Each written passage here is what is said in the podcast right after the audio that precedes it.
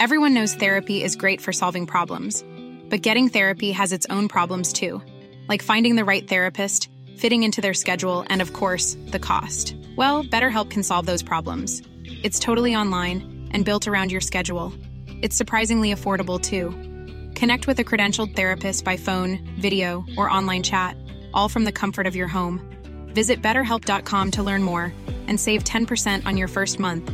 That's BetterHelp H E L P. Hey, it's Paige DeSorbo from Giggly Squad. High quality fashion without the price tag? Say hello to Quince. I'm snagging high end essentials like cozy cashmere sweaters, sleek leather jackets, fine jewelry, and so much more. With Quince being 50 to 80% less than similar brands. And they partner with factories that prioritize safe, ethical, and responsible manufacturing. I love that. Luxury quality within reach. Go to quince.com slash style to get free shipping and 365 day returns on your next order. Quince.com slash style. Burrow's furniture is built for the way you live. From ensuring easy assembly and disassembly to honoring highly requested new colors for their award-winning seating, they always have their customers in mind. Their modular seating is made out of durable materials to last and grow with you. And with Burrow, you always get fast, free shipping. Get up to 60% off during Burrow's Memorial Day sale at burrow.com slash ACAST. That's burrow.com slash ACAST. burrow.com slash ACAST.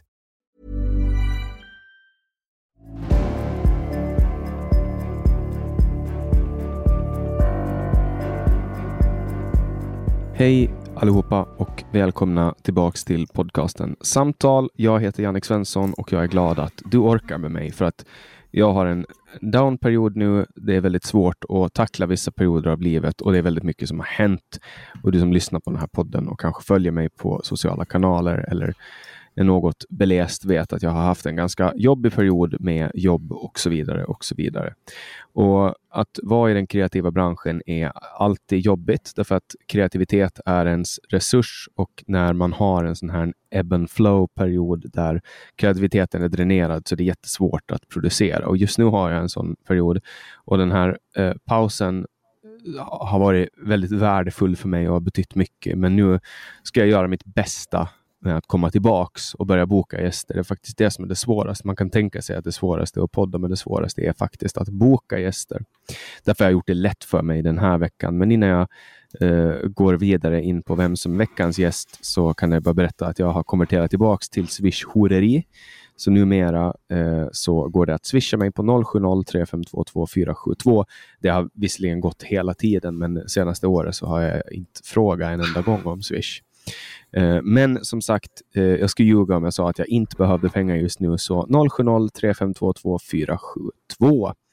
Och den här veckan har jag med mig en gäst som nu kommer att slå rekordet i flest antal gästningar i podcasten Samtal och det är Emil Nilsén. Och jag tänkte att vi ska prata lite om misslyckanden, om kreativitet, om att podda och om lite andra saker. Så Emil Nilsén, also known as Tramsfobisk, välkommen tillbaks till podcasten Samtal. Tack så mycket. Jag kanske inte är känd som tramsfobisk. Jag har eh, myntat uttrycket kan jag däremot ta på mig. Snart är du det. det alltså, du vet, eh, det, det handlar om att bygga upp någonting. Man, för, för, att bygga upp någonting så måste man först skapa det i sitt sinne och vill man bli känd för det, då kommer man att bli det också. Uh, men uh, ja, det, det, jag tänkte så här, jag har ju en, en, eh, en hjärntrust av bönder runt mig som får liksom fylla i den plats där mitt sunda förnuft egentligen skulle vara. Och nu har ju du fått bli en del av den slutna kretsen. Mm. Um, och Det är jättekul, för du är ju en, en mas och någonstans måste man ju också inkludera dem. Ni har ju bara skog, så ni kan ju inte ens jordbruka där uppe. Men hästar har ni. oj, oj, oj. Jag har ju varken skog eller jordbruk, men eh, jag är någon slags bonde i själ och hjärta, man kan säga. Ja, jag har ju inte heller skog eller ett skogsbruk, men jag jag vill, vill försöka på något sätt leva som en bonde gör. Uh, mm. Därför att jag har insett att det är väl det som är det bästa livet. Att, att försöka men leva så naturligt det bara går. I, i, nu påsken har jag firat med att skjuta sel i ansiktet. Man får, man får otroligt mycket ro av det, kan jag berätta för dig.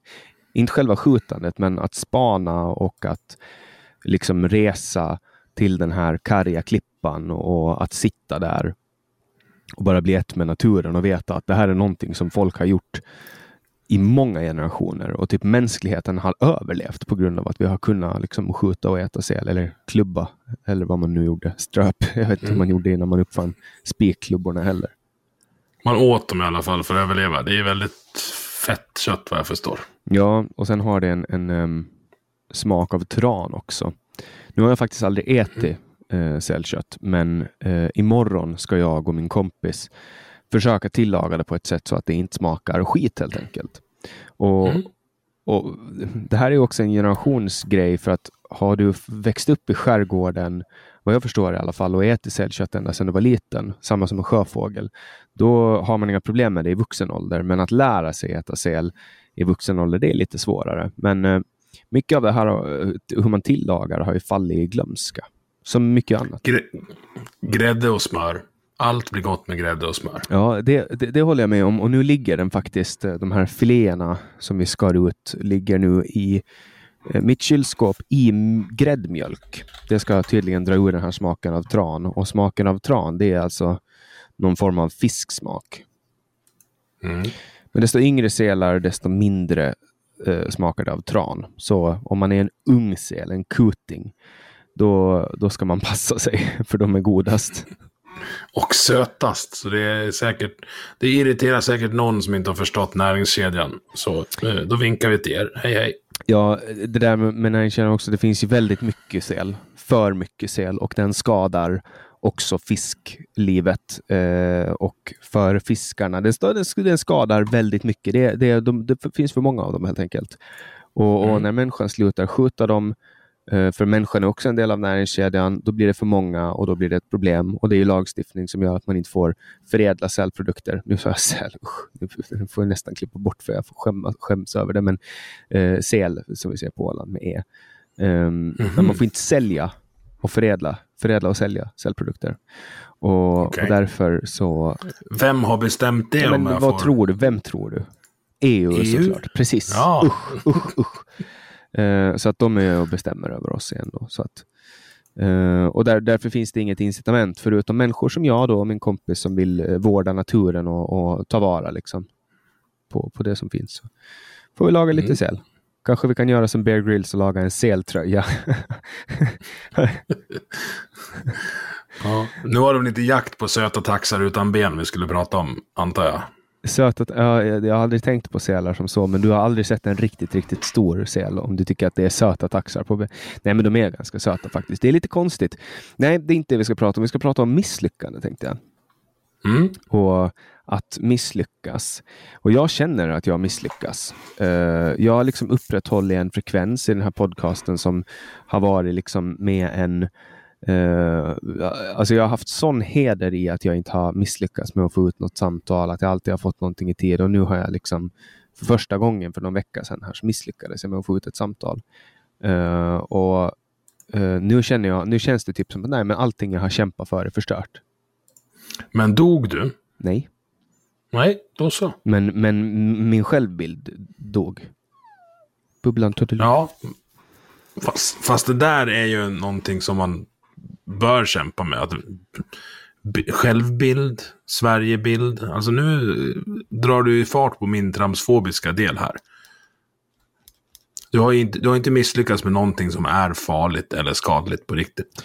Nej, men sen, nej, så är det. Men, men du, det, det, är så många saker som typ att när jag under december tog en timeout från alla sociala medier, då stängde jag av um, Alltså, jag deaktiverade Facebook och, och då försvann mina Facebook-sidor.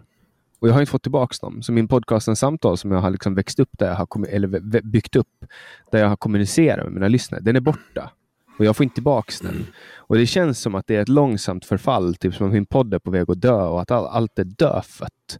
Alltså jag, jag, vet inte, jag, för, jag vet inte hur jag ska förklara det. Det känns som att jag har varit på en sån streak, på en sån jävla roll och allting har funkat så bra.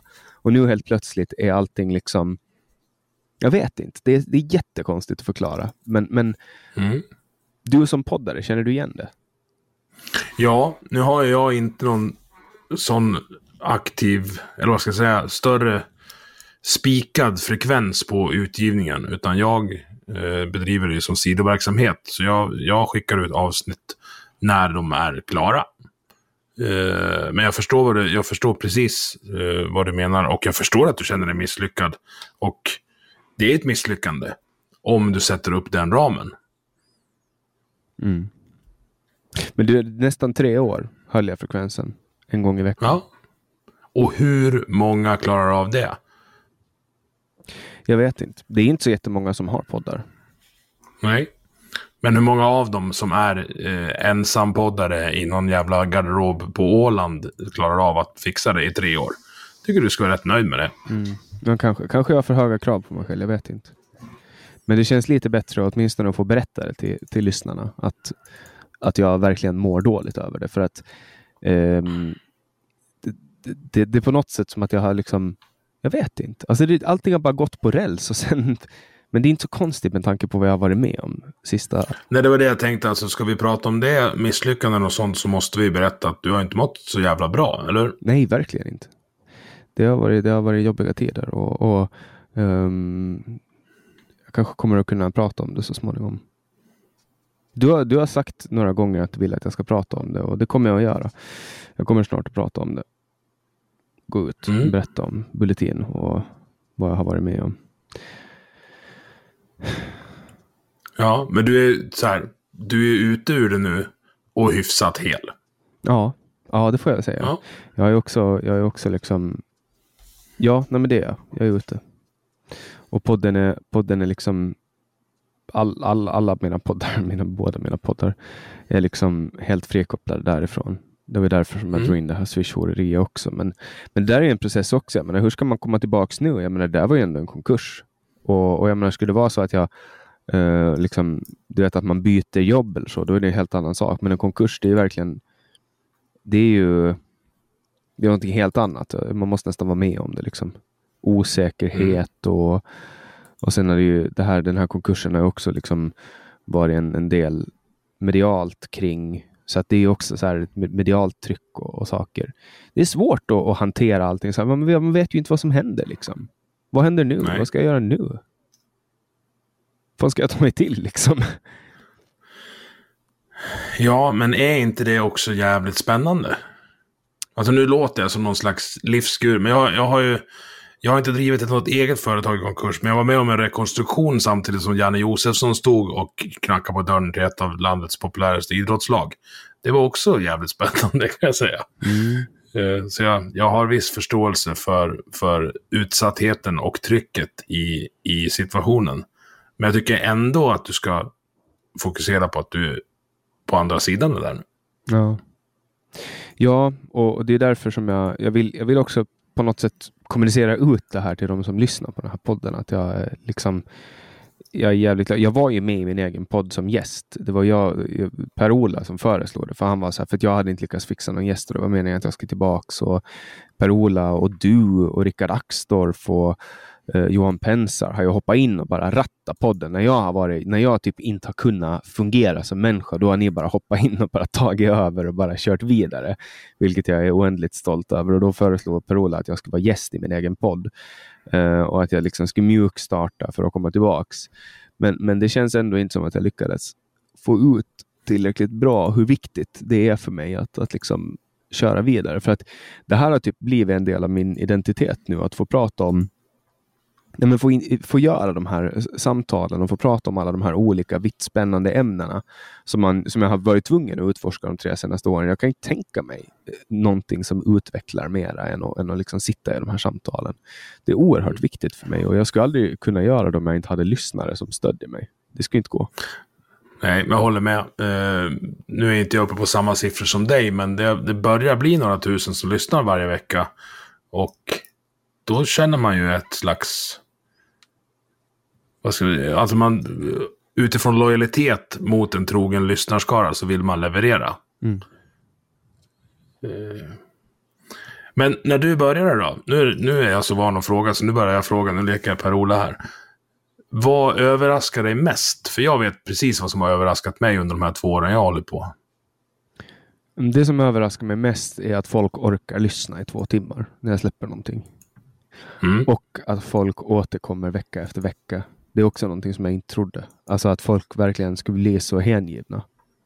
Mm. Det är de två sakerna. Det som förvånar mig mest, det är att folk är så eh, snabba att tacka ja på att vara med. Ja, det också. Men där, där har jag konstaterat att alla människor som redan är i offentligheten har en viss släng av fåfänga slash narcissism. Ja. Och, och att det gör att de tackar ja till alla möjligheter att få synas och utvidga sina nätverk eftersom alla som lever på uppmärksamhet behöver mer uppmärksamhet för att kunna driva sina verksamheter och så vidare. Mm.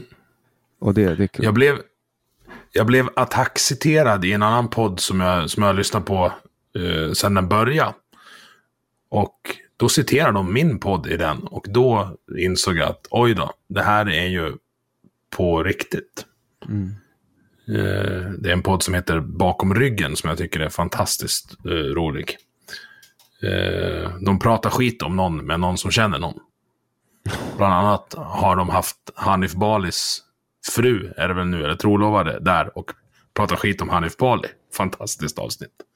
Det låter som det, det, det, är verkligen gå utanför boxen när det kommer till podcast. Ja, det är, så, det är en jätterolig podd. Det är mycket, jag, jag ser en trend i samtalspoddandet också. Det är mycket komiker som blir samhällskommentatorer eh, ex-humorn nu. Och det, det tycker jag är en, en signal till våra etablerade medier så gott som något att skärp er. Det, det är dags nu. Ta, ta tag i det. Ta- Nej, men det där är, det, jag har märkt det också. Aron Flam är ju, han, han var ju tidigt ute den som var mest ekonomiskt framgångsrik i Sverige med att podda. Eh, Mm. Och han har ju drivit dekonstruktiv, de, dekonstruktiv kritik hur länge som helst. Mm. Alltså den är ju verkligen skitgammal den podden. Speciellt i poddformat. Eh, och det är ju i princip, alltså den här podden är ju basically en rip-off där också, bara det att den är lite längre. Eh, Och innan det så körde han ju Smultronstället tillsammans med Sandra Ilar. Mm. Varit Som för, övrigt, som för övrigt gästar Vi måste prata den här helgen. cool. Kan ni lyssna på. Mm, det ska bli roligt. Ja, ehm, alltså sen finns det ju, alltså det finns ju jättemånga samtalspoddar och va, folk är så här, "Åh, det finns så många, men det, det, det går, alltså så här, du och jag har haft många gånger överlappande gäster, vi har haft samma, men det blir aldrig samma sak. Man får, alltid det, man får alltid ut någonting annat. Så att, därför har jag aldrig någonsin sett det på något sätt som att jag skulle konkurrera med någon som har en annan samtalspodd. Det enda man gör är att man kompletterar och det där brukar ju vara någon så här klyscha som folk säger, nej vi konkurrerar inte, vi kompletterar.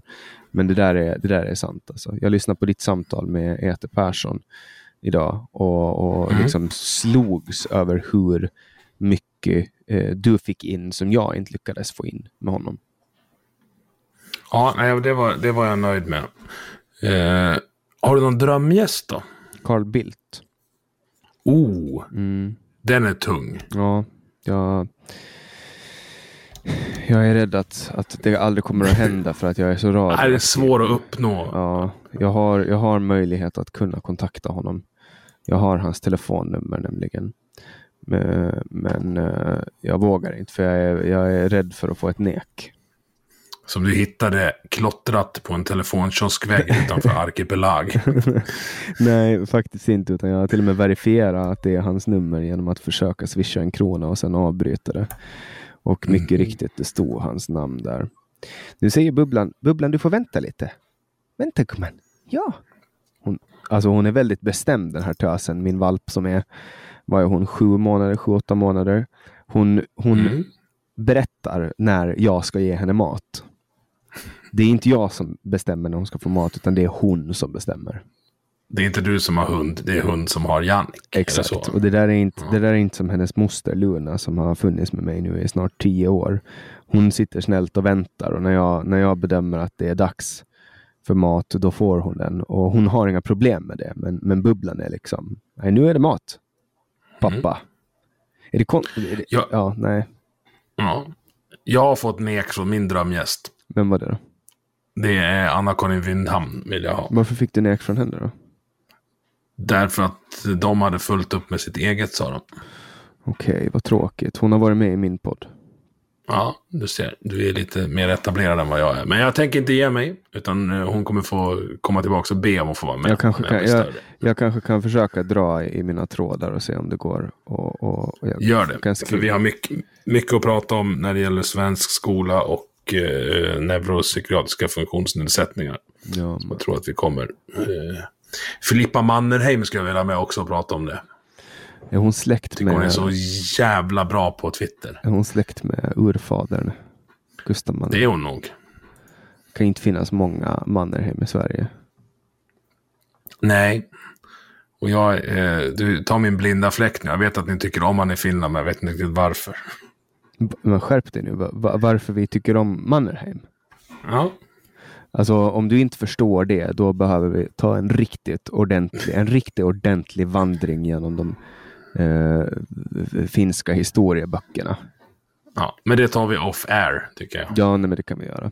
Eh, nej, men, men drömgäster, jag har haft, jag har haft liksom folk som har, har varit väldigt roligt att ha med. Alexander Bard var ju absolut en, en höjdpunkt.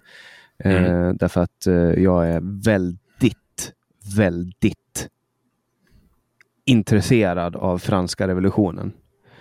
Mm. Och eh, han vet väldigt mycket om franska revolutionen, så vi pratar en del om franska revolutionen. Men, men sen är han också väldigt tuff och svår för att han är, så, han, är så, han är så smart på en så hög nivå så att det är liksom man blir intellektuellt dränerad av att lyssna på honom. Och han säger så mycket, det kommer så mycket klokheter så att det där är, man klarar av att ta upp en viss del. Det är ungefär som att dricker man, dricker man för mycket vitaminer så pissar man ut det. Lyssnar man på för mycket klokheter så går det in genom ena öra och ut genom andra. Mm. Och så är Alexander Bard. Ja, nej, jag, jag gillar Bard. Han är, han är... Han blir lite lätt att avfärda för folk som bara ser hur, hur han låter och inte vad han säger. Det är, och han vägrar ju att sandpappa sig själv för att passa in i någon slags mall. Vilket jag tycker är beundransvärt. Men lite tråkigt också. Mm. Flera borde göra så, men han har, han har sin roll i samhället. Mm. Eh, och det är den han uppför. Vad har du för andra drömgäster då? Hanif Bali skulle vara kul. Han ju varit... Göran Persson skulle vara helt fantastiskt. Ja, jag, Hanif har ju varit med i min podd. Och Göran Per... Du bara, du bara, ja, han har jag, han har jag. Ja, jag det är som sitter- hon med affischerna i Nile City. Och Göran Persson har jag suttit bredvid på flyget. Han, han tyckte nog att det var skönt när vi landade. Mm. Eh, för han fick väldigt många frågor av mig. Eh, men Nile City, det är för övrigt en av de bästa sakerna som produceras i svensk tv-historia. Oh ja. Skulle du vilja ha med Henrik Schyffert? Ja, det skulle vara spännande. Hans eh, resa från eh, edgy radiokomiker och ståuppkille som drar könsskämt till en ganska grå sossefigur just nu. Skulle vara kul och, och frågan vad han tycker om det egentligen. Mm. Han är ju verkligen en bajskorv. Eh, om man ska använda hans egna ord. Jag tycker eh, han, har, han har varit hur rolig som helst och nu har han bara, nu har han bara, det har bara slagit slint. Han har bara gått åt det. Jag får någon reklam med honom hela tiden där han håller på och pratar om inåtsnopp. Det är någon här reklam Mm. till något energibolag eller någonting. Ja. Jag tycker, jag tycker det, det, det är hemskt att se. Det är som en, som en tågolycka liksom. Svårt att titta bort. Jag tycker han pikade någonstans. Nile City var bra. I manegen med Glenn Killing. Alltså. Nej, 90-talet, ett försvarstal, är fullkomligt briljant från första ordet till sista punchlinen. Jag har inte sett det vad jag kan komma ihåg. Nej, då har du en rolig kväll. Jag tror att den ligger på YouTube faktiskt. I manegen med Glenn Killing, det är när, när Robert Gustafsson super med, med Ilern-Göran. Mm. Har du sett det? Oh ja, alldeles för många gånger. På VHS, du vet jag är gammal. Ja, nej, vi, vi kollade på det på, på DVD. Vi hade det faktiskt på DVD. Det var en bild på Ilern-Göran Göran på. Men jag växte upp med det där. Eh, pappa älskade och vi skrattade som fan. Och du, hur mycket man än kollar på det. Det, det, det, är svårt då. det är svårt att nöta ut det. Men tyvärr, saker förändras och människor förändras. Eh, och så också Sverige. Eh, de här upploppen som har varit nu är ganska, eh, vad ska man säga, Fan vad jobbigt det är Emil att du sitter och klickar när du poddar. Fattar du inte att du måste köpa en sån här fucking platta, som en fingerpekplatta? Nej, men Alltså jag satt och funderade tar- på det när jag lyssnade på E.T. Persson och dig. Du kan ju inte sitta och klicka som någon ADHD-unge. Jag är ju en ADHD-unge. Just det. Men du, Det där tar jag Anders bort i posten, så det är lugnt. nej, han gör inte det. Det är det som är problemet. Du, du kan köpa, du kan få av mig en, en gammal ritplatta som du kan använda när du poddar. Jag ska sluta klicka. Nej men du kan på riktigt få en. Du kan använda Ja, den som ja, ja. Du ska, nästa gång vi ses ska du få den av mig. Det är en gammal ritplatta som du kan ha. Och så har du, för då kan du helt tyst hålla på på datorn. Det har jag. Det är därför du aldrig Som också i ärlighetens namn blir första gången vi ses. Exakt, ja, vi har aldrig träffats fysiskt. Men det känns som att vi har träffats fysiskt. Eh, det här känns som att det bara blir ett sånt där samtal som när jag sitter i lastbilen och pratar med dig. Vad tänkte du vi skulle prata om idag då, efter 25 minuter?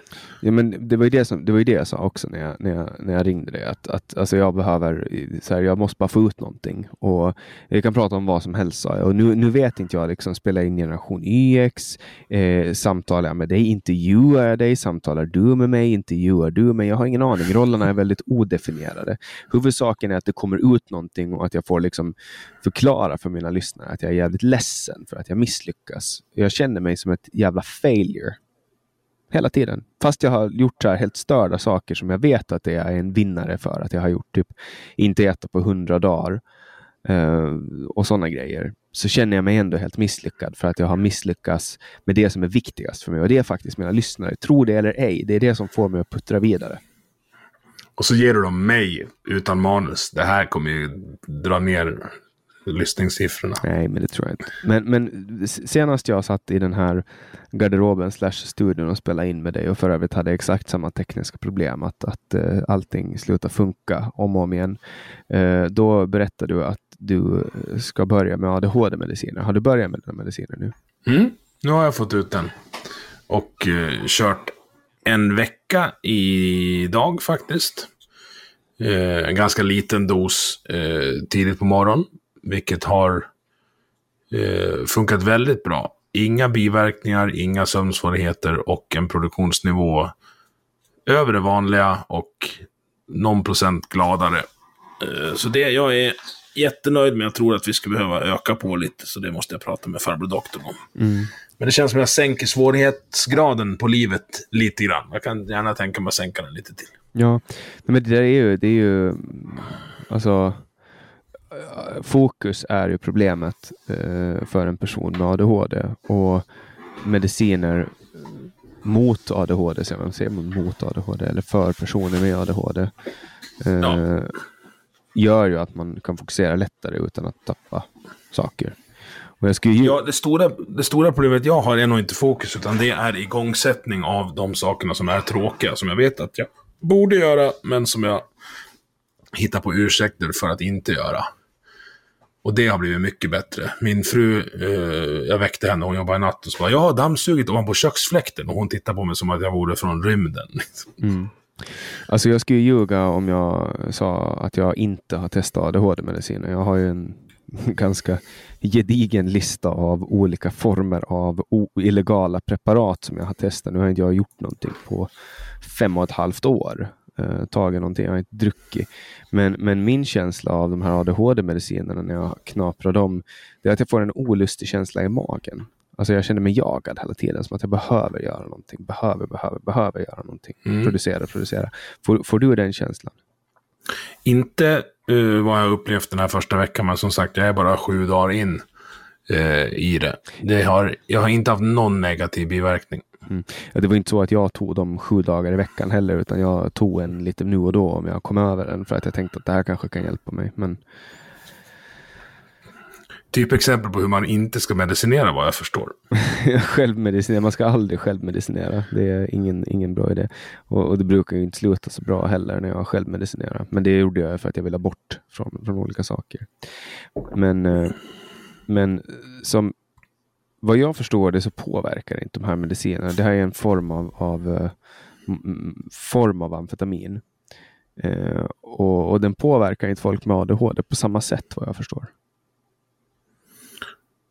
Nej, och jag har ju bara en sån här hjärna, så jag vet ju inte hur det funkar för er andra. Inte Sen konstaterade vi väl du och jag sist jag var med att eh, det skulle inte vara svinsvårt att utreda dig heller. Nej, med största sannolikhet så skulle det eh, slå ut på att jag har ADHD, men jag har varit ointresserad av att utreda det. Jag vet inte om jag har sagt det, alltså jag vet inte vad jag har sagt till dig när vi har poddat eller när vi har pratat när du sitter i lastbilen. Men, men eh, om, om man ska utreda mig för ADHD så ska jag ändå inte kunna ta medicinerna eftersom jag inte tar droger. Jag tar ingen, Nej. jag tar inte ens liksom, bedövningsmedel när jag åker till tandläkaren. Eh, nu är det en gång som de ska borra och jag sa nej, jag vill inte ha någonting ifall jag torskar på det. Men du förstår vad jag menar. Jag vill inte Ja. ha någonting i min kropp eftersom jag tror att jag, jag, jag, vet, jag är inte säker på om jag kommer kunna hantera det och jag vet inte om jag vill ta reda på det heller. Nej. Och då, det är ett jävla moget och bra beslut måste jag säga. Mm. Jag har ju aldrig berättat, tror jag, i en podd hur fruktansvärt illa däran jag var. Kanske, kanske din podd blir första gången jag gör det. Mm. Jag tror inte folk vet det. De runt om mig vet det, men jag tror inte att de, jag tror inte att officiellt har jag aldrig pratat om det på det sättet. Det är en bra cliffhanger. eller hur? Ni får lyssna på Vi måste prata. Ja. Är det Vi måste prata eller Vi måste prata? Det, där är, namnet kommer ju av att det är det värsta jag vet att höra från eh, min fru. Ja, man hör, Ja, det man hör det och sen är det inte en fru längre. Nej, men så vi, vi måste prata. Då vet jag att, vad- åh, vad har jag gjort nu? Fan, nu har jag ställt till med någonting igen. ja. Men det var ett tag sedan. Men det var därifrån jag tog namnet i alla fall. Uh, sen tänkte jag att det skulle, skulle locka till lyssning, vilket det bevisligen har gjort. Ja, jag kommer ihåg första gången jag kom i kontakt med en podd. Undrar, nu är det till och med jag som, jag som klickar. Jag ska ta fram. Det var faktiskt när jag skulle göra, jag skulle göra mm, research på någon gäst som hade varit med i din podd. Tror Mhm. jag. Eller var det så att du tog kontakt med mig på något sätt kanske? Nej, När vi träffades. Eh, Ja, hur vi träffades. Ja, du sökte vikarier. Nej. Och då skrev jag till dig på Twitter att... eh, Var det så? Nej, Men det roliga- nej jag, det- hörde dig, bakgrund- jag hörde dig när jag skulle researcha. Jag skulle researcha eh, på en gäst. Eh, Klaus Bernpaintner. Och då, mm, fast det var, mycket, det var långt efter att, vi, att jag hade vikarierat. nej. Du vikarierar. du fick, nej, du, vik- du fick Klas av mig. 100 procent säker. nej, du vikarierar i augusti. Och, och ja, skitsamma. På något sätt så, på något sätt så träffades vi. Men, men det var första gången jag hörde din podd i alla fall. Och jag tror inte att du och jag hade ehm, jag, tror, jag tror inte att du och jag hade kommit i kontakt så jättemycket före det.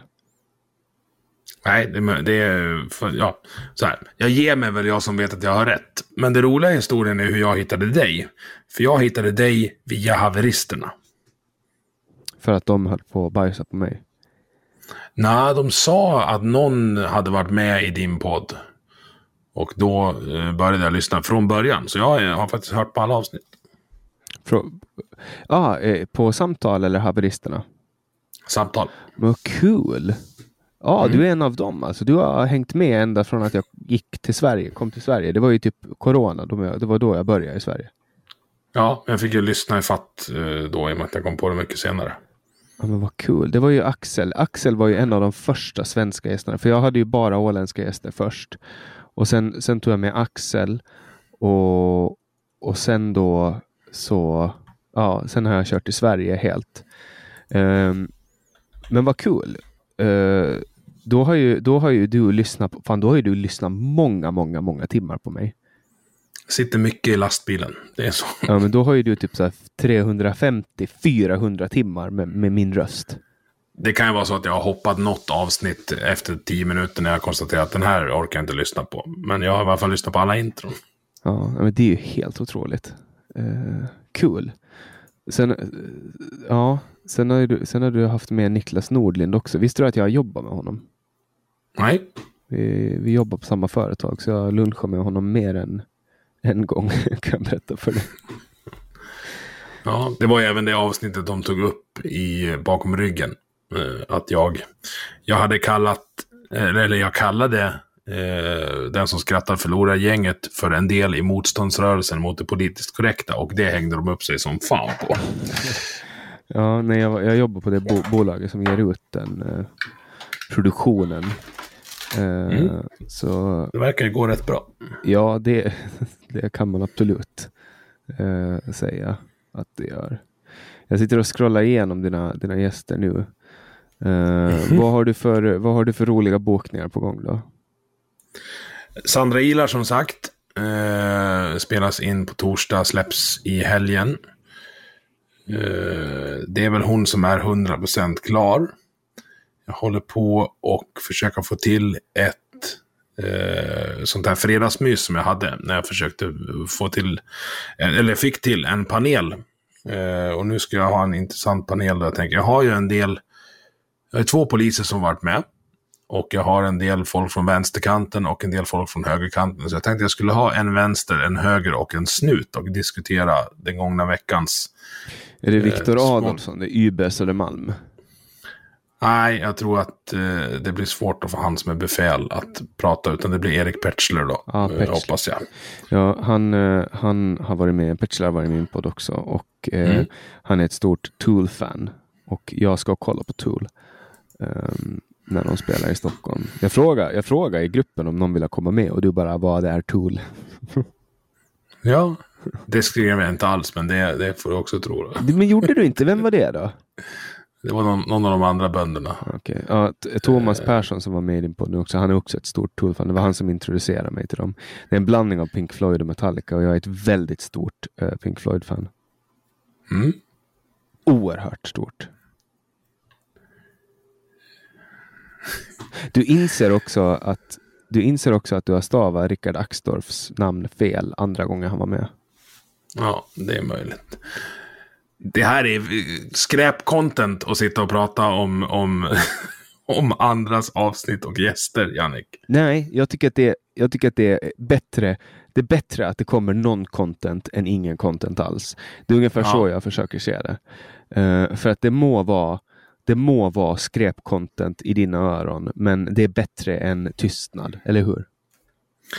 Jag hoppas att någon har orkat lyssna så här långt in i programmet. Då är du en hjälte. Ja, men vadå 36 minuter in? Det är ingen fara. Eller nu, har- nu kommer jag att klippa bort några minuter i början.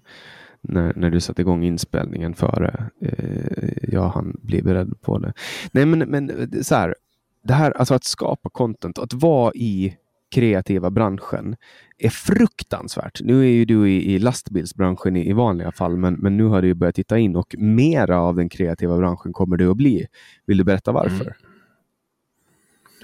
Ja, det kan jag göra. Jag har kommit in på Svenska nyhetsbyråns eh, skribentskola för eh, ledarskribenter och undersökande journalistik. Grattis! Det är inte många Ja. som kommer in där. Och grattis Sverige, skulle jag vilja säga. Ja, eller hur? Hur många är de antar? Tio stycken? Tio stycken. Mm. Eh, Eh, så det är jag och nio stycken till. Eh, vad jag misstänker är jag snudd på dubbelt så gammal som den äldsta av dem. Eh, misstänker jag. Vi får se. Det kan bli en intressant eh, blandning. Framförallt ska det bli jätteroligt att eh, jag tycker att jag skriver hyfsat nu, men att få lära sig ett nytt hantverk när man vid 42 års ålder har äntligen har uppnått skolmognad ska bli jätteroligt. ja, alltså det här är... Du kan väl berätta lite vad Svenska nyhetsbyrån gör och vad syftet med den här skolan är? Ja, ja, vad jag förstår så är de som ett TT fast för ledar och opinionstexter. Det vill säga, eh, i och med att det finns ganska många tidningar som betraktar sig som liberala, frihetligt moderata eller konservativa, så har de oftast en liknande linje i olika eh, aktuella ämnen. Och då har man centraliserat tillverkningen av ledartexter. Mm. Och eh, vår gode vän Per-Ola Olsson har ju också genomfört den där utbildningen och nu är han ute som en jävla idiot och bara pruttar ur sig ledartexter. Ja, det var ju han som sa åt mig att söka och eh, han är väl lite av ett bollplank jag kommer att använda mig av framåt i det här. Eh, under den här studietiden. Alltså han är ju osannolikt produktiv. Tror du att du kommer att kunna producera i den takt som han gör? Beror lite på hur arg jag är. Mm. Du var ju lite arg nu under de här kravallerna. Jag var lite rädd om jag ska vara helt ärlig. Jag har ju en bror som, som var och jobbade som polis i Örebro den där kvällen som vi inte fick tag på. Och det var inga roliga lastbilsmil i skogen eh, innan han eh, meddelade att han var okej. Okay. Mm. Nej, det kan jag tänka mig. Du skrev ett öppet brev till Morgan Johansson. Ja, och han svarade inte. Blir du förvånad? En, en vit högerman hör av sig till Morgan Johansson, en annan vit högerman, äh, vänsterman och försöker förvänta sig att han ska få ett svar. Ja. Alltså jag vet inte om jag är så jävla höger heller. Alltså jag vill bara ställa rimliga frågor till människor som jag, som jag uppfattar har en orimlig inställning till sitt arbete. Fast om det sen är höger så ja, då är det väl det. Du kallar ju dig själv för banjo-höger. Jo, men det är ju höger i ett svenskt perspektiv. Och så här, Björnes magasin är ju höger i ett svenskt perspektiv. ja, eller eh, vad heter det? Eh, Bamse och Killing. Som jag pratade med Per-Ola om första gången han och jag poddade. Vet du vad det är?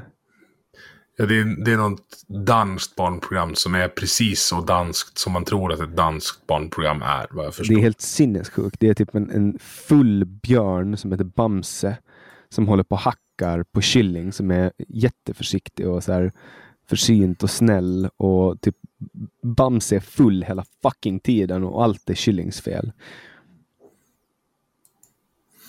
Ja, det låter ju danskt. Mm. Var det inte så här förra gången vi poddade också, att vi bara hoppar helt mellan ämnen? Jo, det var ju då vi konstaterade att, att det är de två poddarna, poddproducenterna i Sverige med kortast gemensamt attention span. Det, ja, det alltså det, det, jag blir plågsamt medveten om att jag med största sannolikhet har någon form av ADHD när jag pratar med dig. Brukar jag hoppa så här mellan ämnen när jag poddar med folk? Nej. Men det är så här, du poddar väl sällan med folk som du brukar prata med någon gång i veckan om livet och uh, när det är jobbigt heller? Ja, alltså det har hänt att jag poddar. Jag har, jo, det har nog hänt att jag gör det, men då brukar jag träda in i poddrollen ganska snabbt. Men, men det är sant, jag är nog lite befläckad av att, att vi har långa filosofiska diskussioner. Det, det, det är sant. Ja, mm. Du får kalla dem filosofiska om du vill. Alltså, till, till viss del är de filosofiska. Eh, ja. Alltså att vi, vi, vi, vrider och vänder på världen och det är det man måste göra. Jag, jag försöker ju hitta liksom sätt att orientera mig i världen och jag, jag har ju de senaste åren gått på en resa där jag har liksom konverterats från en så här en, en uh, snubbe med myggjagare som har gått runt i Stockholm till att du vet, skjuta selar i ansikte på kala klippor. Uh, Du vet att jag har typ två kilo selkött i min, i min kyl nu som jag ska tillaga imorgon. Jag sa det tidigare. Va? Ja. Hur kändes det första gången du köpte ett par hängselbyxor? Då?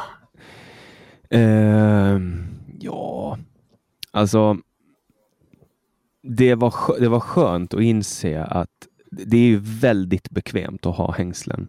Det var mm. Fintac, det är ett finskt travmärke. Så drar man på sig de här hängselbyxorna, men vet du någonting som jag börjar göra nu som är, som är nästan skäms lite över? Det är att jag korsar hängslena. ja, just det. Så att, de inte, axlar. så att de inte ska falla ner. Och det, mm. det kan jag skämmas lite för. Så jag skäms inte över hängslen eller flanell längre, men jag skäms över att jag korsar hängslen. Men det är väl någon form av progressivitet, att det liksom, man går djupare och djupare in i det och till sist bryr man sig inte. Jag kan förstå problemet. Jag har däremot svårt att relatera till det. Ja, men jag, jag, har, ju, jag har ju varit på fastande mage i hundra dagar. Alla muskler har ja, runnit av. Det har jag ännu svårare att relatera till. Ja. är det någonting som har hänt i min kropp så är det att den har förändrats på ett sätt. Alltså, du vet, min självbild är inte vad den har varit. Jag gick runt nu, jag var ute med en kompis eh, och vi, vi övernattade på en ö. Du vet, när man jagar sel då åker man långt ut i skärgården liksom, och, och så letar man efter dem. Och gick vi runt på den här ön och så är det som en en bergvägg och vi ska upp där. Min kompis är väldigt atletisk så han liksom tar sats några meter och så springer han upp och klättrar upp. Men jag kommer liksom inte upp där. Så han tar tag i min hand och drar upp mig och då tänker jag så här. Hur ska han orka dra 120 kilo? Men han bara, rup, bara drog upp mig och så insåg jag att men just det, jag väger inte 120, jag väger 75. Och sen också när jag skulle ner för samma klippa, då var jag, jag var beredd på världens stöt i knäna och världens smäll. Den kom inte. Och på kvällen när jag gick runt på, och tog min kvällspromenad, eh, gick några varv runt ön, så gick jag upp och ner, upp och ner, upp och ner för en massa klippor. Och så märkte jag att fan, jag blir inte andfådd. Att det här, liksom, det här tjockmentaliteten, den sitter kvar. Mm. Den försvinner inte och nu sitter du och klickar igen. Nej, Jo, jag hör hur du gör det. Om jag har fel nu, då får jag ju redigera in klickningar där. ja, det, så alla klickningar är pålagda efteråt. Ja. Det var en vinylscratch här också. Witty, witty, witty. Där kom Ja, det. är stolen nu. Ja. Eh, Men, men så att den här självbilden konfliktar så att jag har liksom ingen, jag, du vet, jag, i, i mitt huvud så är jag fortfarande världens smällfetaste tjockis. ja. Och- Det kan nog ta en stund då och, och bli av med. Ja, om man någonsin blir av med det. Det känns typ som att jag är fantomtjock. Förstår du vad jag menar då? Ja, jag fattar precis. En, en fördel med den här medicinen som jag börjar äta nu är att man tappar aptiten. En nackdel är att man tappar aptiten. Jag satt på en eh, musikalföreställning i förrgår. Och precis innan pausen så började jag tappa synen på vänster öga på grund av lågt blodsocker. så, så det, och det är inget bra. Så då var det eh, så här, inhalera en kanelbulle så fort det gick längst fram i fikakön. Så bara, ja, nu, är jag. Nu, nu kan jag se resten. Det finns ju en lösning på eh, lågt blodsocker också. Det är att sluta äta kolhydrater helt. Då, då, leder, Ja, du pratade om det. då, vi pratade om det i förra podden. Nej, du pratar om det jämt. Ja, nej, det är, Men typ, inte i podden. det är typ det jag brinner för. Nu äter jag bara, nu när jag börjar äta, jag äter bara rått kött. Jag skickar ju mycket bilder på när jag äter rått kött också. Och när jag säger rått kött, alltså det är verkligen det. Han sitter och äter köttfärs med sked. Ja, en, en meatball. Alltså en Mm. med B-O-W. Inte meatball, utan meatball. Uh, nej men det där är, jag, jag är, det är mycket lättsmält för magen. Folk tänker så här, ja, hon kommer börja äta igen efter hundra dagar. Din mage kommer att gå bananas. Men det gjorde jag inte. Jag åt bara rött kött och rött rått kött och mjölksyrebakterier. Uh, eh, det fixar biffen.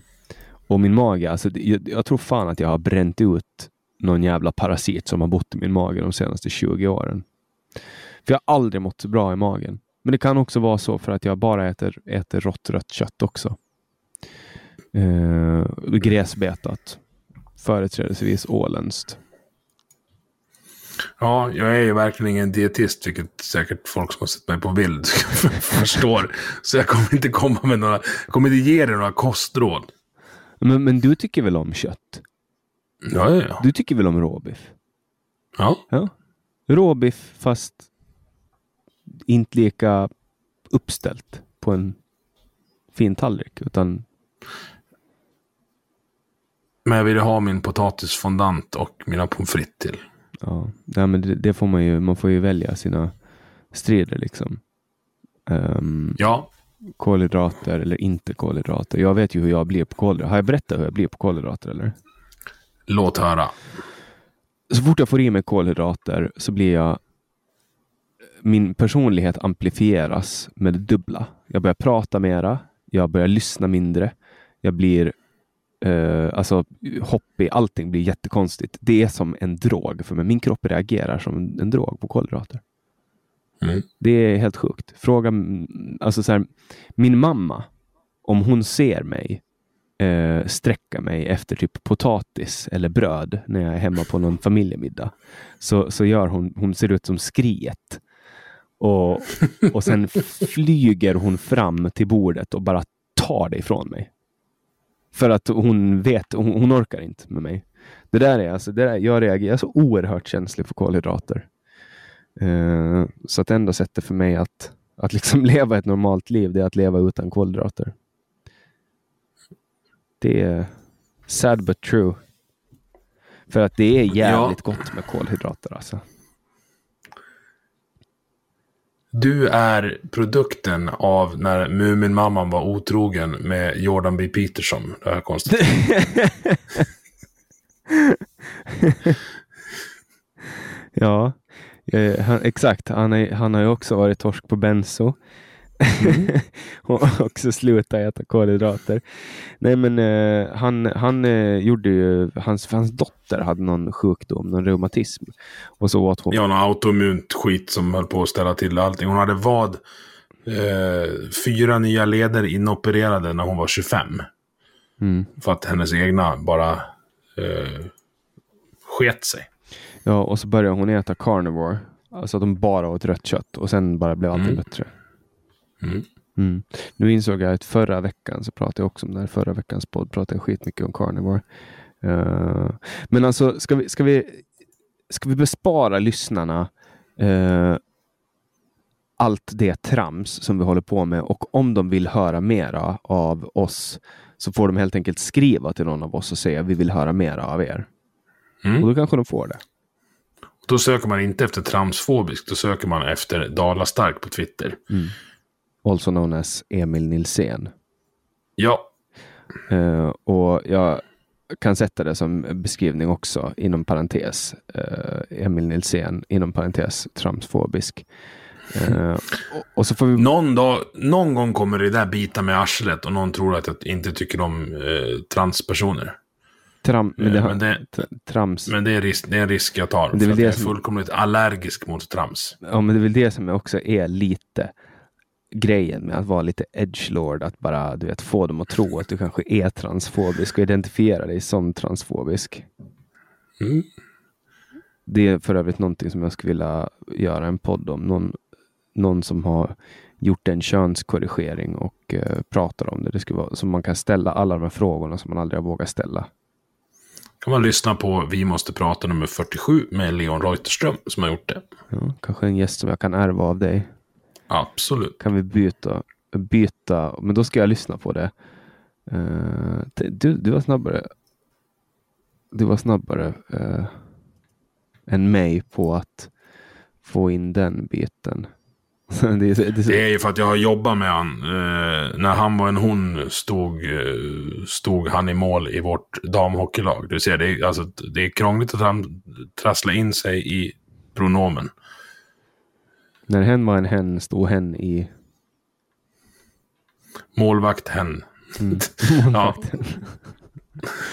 Ja, du får gå in. Nej, det var ett in intressant samtal och i och med att jag, jag känner honom lite så vågar jag gå på ganska hårt och ställa eh, en del av de tuffare frågorna när det gäller det där.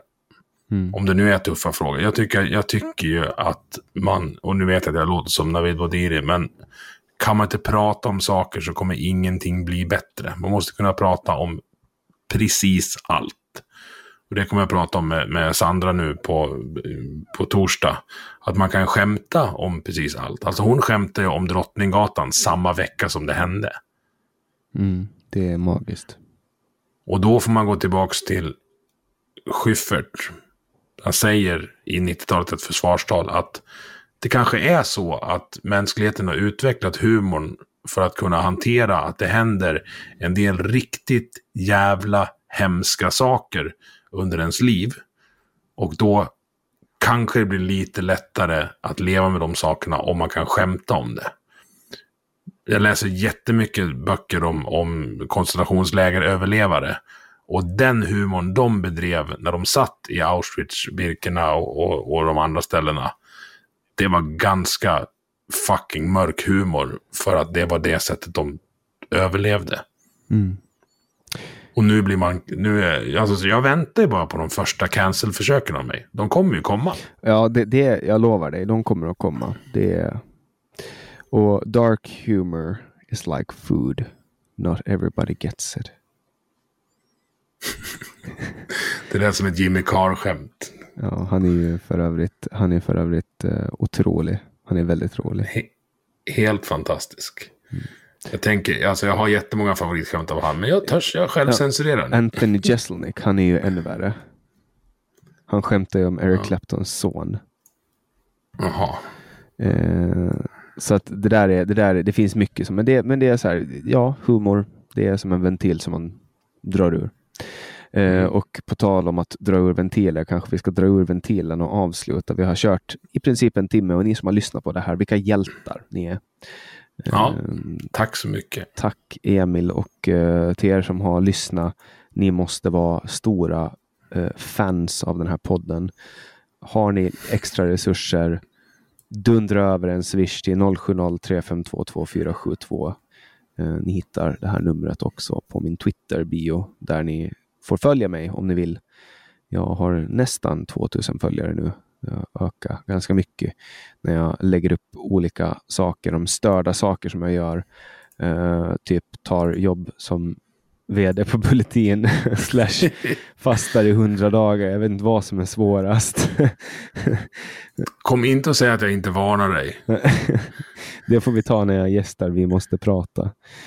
Som, Ja. som förhoppningsvis är snart. Jag får komma upp till, till Dalarna och säga hej. Det, Jajamän. eh, Ska vi lära dig en hel del av en hel del. ja, om hur man sitter i träd. För det är väl det ni gör. Hur man åker traktorvagn. Det gör vi på Åland också.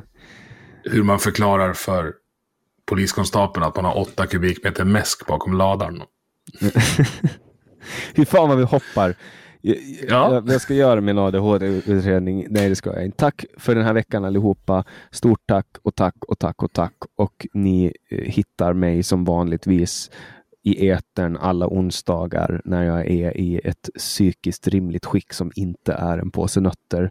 Eh, Men ni är i alla fall jättefina som skriver och hör av er och det var flera som hörde av sig och trodde att jag var död när, när det inte kom upp ett avsnitt den här onsdagen för två veckor sedan.